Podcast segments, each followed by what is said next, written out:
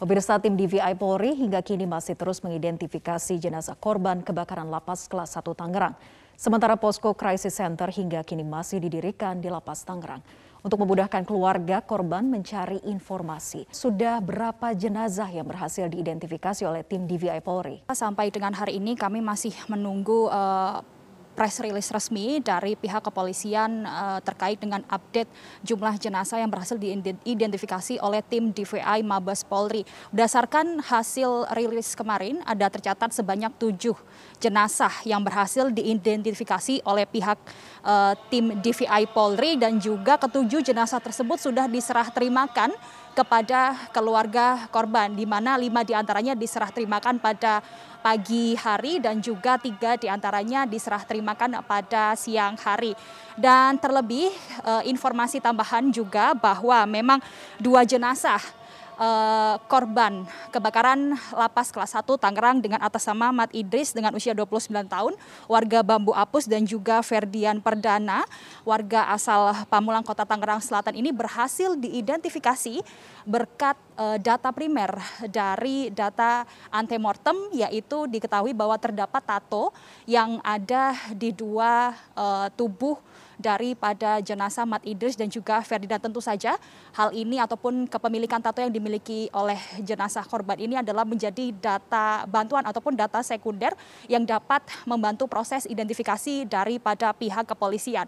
Untuk data terakhir memang dari 41 korban jenazah yang meninggal pada saat hari H kebakaran lapas kelas 1 ini sampai sekarang masih ada 34 jenazah lainnya yang belum teridentifikasi uh, identitas dan juga korban daripada jenazah. Namun daripada hal ini pihak kepolisian terlebih tim DVI Polri sudah mendapatkan sampel DNA seluruh korban jenazah dari uh, lapas kebakaran kelas 1 Tangerang Banten. Ya, lalu bagaimana dengan hasil identifikasi korban kebakaran yang bukan merupakan warga negara Indonesia?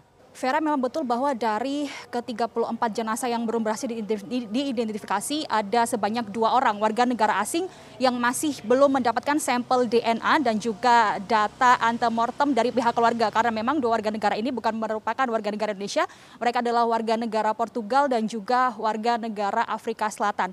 Dalam hal ini memang pihak kepolisian masih terus uh, menunggu update karena memang tim DVI Polri juga masih berkoordinasi dengan kedutaan besar negara terkait uh, terkait dengan proses identifikasi daripada uh, para korban warga negara ini untuk uh, jenazah ataupun keluarga korban ini juga tentunya mendapatkan uang duka senilai 36 juta rupiah, di mana 30 juta rupiah ini akan diberikan kepada hak ahli waris korban dan juga 6 juta rupiah ini diperbantukan untuk biaya pemakaman para korban kebakaran kelas 1 uh, eh, Lapas Tangerang, Banten. Ya, dari Rumah Sakit Polri kita bergeser ke Lapas Kelas 1 Tangerang. Lis, bagaimana situasi di Lapas Kelas 1 Tangerang hari ini? Jadi di Lapas Kelas 1 Tangerang, Banten pada Rabu dini hari lalu, pemerintah melalui Kementerian Hukum dan HAM bersama kepolisian mendirikan Posko Krisis Center. Posko ini dibangun untuk memberikan pelayanan dan juga informasi kepada keluarga korban, utamanya adalah warga binaan yang berada di Blok C2, lokasi kebakaran terjadi. Selain Posko Krisis Center, di lokasi ini juga didirikan Posko Antemortem untuk membantu keluarga menyerahkan data untuk membantu proses identifikasi para korban yang saat ini tengah dilakukan identifikasi di Rumah Sakit Polri Kramat Jati.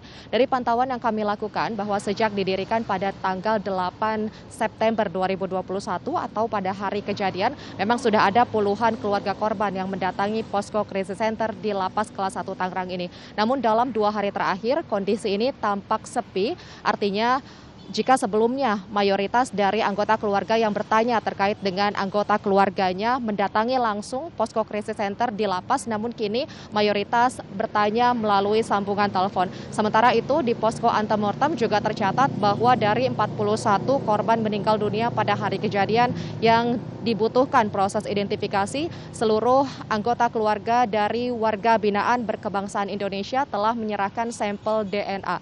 Total ada 44 korban meninggal dunia dalam kebakaran yang terjadi pada Rabu dini hari lalu. 41 orang meninggal di lokasi dan tiga lainnya meninggal pada saat perawatan di RSUD Kabupaten Tangerang. Sejauh mana hasil penyelidikan kepolisian terhadap penyebab pasti kebakaran di Lapas Kelas 1 Tangerang ini? Vera, kepolisian melalui Divisi Humas Polri menyampaikan menyampaikan bahwa kasus kebakaran ini telah dinaikkan dari penyelidikan ke penyidikan. Penyidik dari Polda Metro Jaya pun telah mengirimkan surat panggilan terkait keterangan kepada sejumlah saksi di antaranya adalah 14 orang penjaga atau uh, sipir lapas yang bertugas pada hari kejadian. Kemudian ada tujuh orang warga binaan, ada tiga saksi dari pemadam kebakaran, tiga saksi dari PLN dan juga kepala lapas.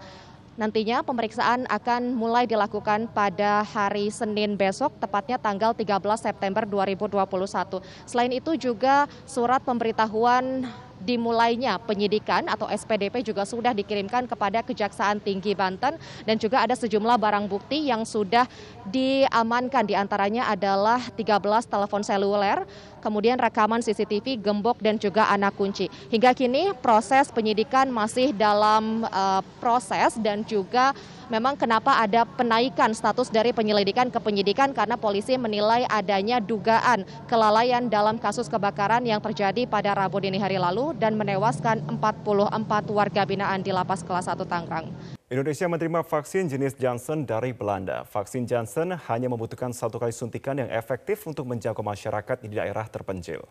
Vaksin yang tiba di Indonesia pada tahap 56, yakni sebanyak 500 ribu dosis, vaksin COVID-19 jenis Janssen siap pakai. Vaksin ini merupakan bantuan dari pemerintah Belanda melalui kerjasama bilateral. Untuk pertama kalinya, vaksin Janssen sebanyak 500 ribu dosis dari pemerintah Belanda. Ini adalah kedatangan dukungan kerjasama Belanda yang ketiga kalinya. Sebelumnya, Indonesia telah menerima 657 ribu dosis vaksin AstraZeneca dari Belanda sebagai bagian komitmen dose sharing dari Belanda 3 juta dosis. Vaksin Janssen hanya membutuhkan satu kali suntikan yang membuatnya menjadi vaksin yang efektif untuk menjangkau masyarakat di daerah terpencil. Terdiri dari 500 ribu dosis vaksin Janssen akan ada lebih banyak pengiriman vaksin dalam minggu-minggu mendatang sehingga total vaksin yang disumbangkan menjadi setidaknya 3 juta dosis. Vaksin Janssen hanya membutuhkan satu kali suntikan, membuatnya menjadi vaksin yang efektif untuk menjangkau orang-orang di daerah terpencil. Vaksin Janssen memperoleh izin penggunaan darurat dari Badan POM pada 7 September lalu. Tingkat kemanjuran vaksin Janssen sebesar 67,2 persen. Sebelumnya, Indonesia telah menerima 657 ribu dosis vaksin AstraZeneca dari Belanda. Sejak vaksin pertama pada Desember 2020 hingga tahap ke-56 dan 57, Indonesia sudah memiliki total lebih dari 237 juta dosis vaksin baik dalam bentuk bahan baku bulk maupun vaksin dosis jadi. Guna mendukung percepatan vaksinasi nasional, Komunitas Akademi Kepolisian Angkatan 88 Polda Nusa Tenggara Timur menggelar vaksinasi di wilayah-wilayah pelosok di Kabupaten Kupang. Akpol Angkatan 88 wilayah Polda NTT menggelar vaksinasi dan pembagian bansos di daerah pelosok, yakni di Desa Tablolong, Kecamatan Kupang Barat, Kabupaten Kupang. Kegiatan ini digelar di dua tempat, yakni di rumah ibadah gereja Kristen dan di dalam mobil bus keliling milik Polda NTT yang dikerahkan untuk menjangkau daerah pelosok demi memudahkan warga mendapatkan vaksin. Kapolda NTT Irjen Pol Lotaria Latif mengimbau warga agar tetap disiplin untuk menerapkan protokol kesehatan agar dapat memutus mata rantai penyebaran COVID-19 di daerah ini. Serbuan vaksinasi juga datang dari Satuan TNI Angkatan Udara di Kabupaten Berau, Kalimantan Timur. Ribuan masyarakat Kabupaten Berau, Kalimantan Timur antusias mendatangi sentral vaksinasi TNI Angkatan Udara di Bandara Kalimarau. Panglima TNI Marsikal TNI Hadi Cahyanto turut mengapresiasi pelaksanaan serbuan vaksinasi di Berau melalui pesan tertulis yang disampaikan oleh Pelak Panglima Komando Gabungan Wilayah Pertahanan 2, Marsja TNI Imran Baidirus, yang hadir meninjau kegiatan vaksinasi di Bandara Kalimarau. Video yang menampilkan praktik penjualan daging anjing di Pasar Senen, Jakarta Pusat viral di media sosial. Merespon hal ini, Wakil Gubernur DKI Jakarta Ahmad Riza mengatakan praktik perdagangan daging anjing telah melanggar Undang-Undang Pangan dan Perlindungan Konsumen. Pemprov DKI Jakarta berjanji akan menelusuri kasus ini. Video yang menampilkan praktik penjualan daging anjing di Pasar Senen, Jakarta Pusat viral di media sosial. Video tersebut direkam oleh Yayasan Animal Defenders Indonesia atau ADI dan diunggah di Instagram miliknya di @animaldefenderindo. Dalam keterangannya di video penelusurannya, Adi mengatakan satu lapak yang diinvestigasi mengaku minimal menjual empat ekor anjing dalam sehari dan telah beroperasi lebih dari enam tahun. Adi menyebut terdapat tiga lapak di pasar tersebut yang menjual daging anjing. Ia juga menduga ada lebih dari satu pasar yang menerapkan praktik penjualan anjing. Wakil Gubernur DKI Jakarta Ahmad Riza Patria angkat bicara mengenai video viral yang memperlihatkan praktik penjualan daging anjing di Pasar Senen. Riza mengatakan pihaknya akan mencari tahu dan memastikan akan memberi sanksi jika peristiwa itu benar. Riza mengatakan praktik perdagangan daging anjing telah melanggar aturan perlindungan konsumen. Pemprov DKI pun akan menelusuri kasus ini. Ya saya belum mendapat informasi ya dari Pasar Jaya laporannya. Namun jika benar ini akan ditindak ya, akan ditegas dan diberi sanksi sesuai dengan ketentuan nanti biar Pasar Jaya yang mengatur dan nanti ada aparat yang akan menyelidiki kasusnya karena ini melanggar undang-undang perlindungan pangan dan konsumen. Ketahanan Pangan Kelautan dan Pertanian atau DKPKP DKI Jakarta dilaporkan langsung melakukan penelusuran dan berkoordinasi dengan PD Pasar Jaya. Sembari menunggu hasil temuan tim DKPKP, pihaknya juga tak menutup kemungkinan akan memberi pembinaan terhadap para penjual daging anjing. Merujuk dari artikel mediaindonesia.com, pakar hukum Universitas Al-Azhar Indonesia, Suparji Ahmad menegaskan, jual beli hewan untuk dikonsumsi harus memenuhi unsur keselamatan, kehalalan, dan kesehatan. Terkait dengan jual beli daging anjing, Suparji menilai berpotensi merugikan kesehatan konsumen. Salah satunya memungkinkan adanya penularan penyakit rabies. Pasalnya, daging yang diperdagangkan diduga merupakan anjing liar. Berdasarkan Undang-Undang Nomor 18 Tahun 2009 tentang pangan disebutkan daging anjing bukan bagian dari produk pangan karena bukan termasuk hasil peternakan dan kehutanan. Di Spanyol, petugas pemadam kebakaran masih terus berusaha memadamkan kebakaran lahan yang melahap hutan di wilayah Malaga. Kebakaran di wilayah Malaga terjadi sejak hari Rabu dan telah menghanguskan kurang lebih 5.000 hektar lahan. Angin kencang serta udara panas disebut sebagai penyebab meluasnya kebakaran dengan sangat cepat.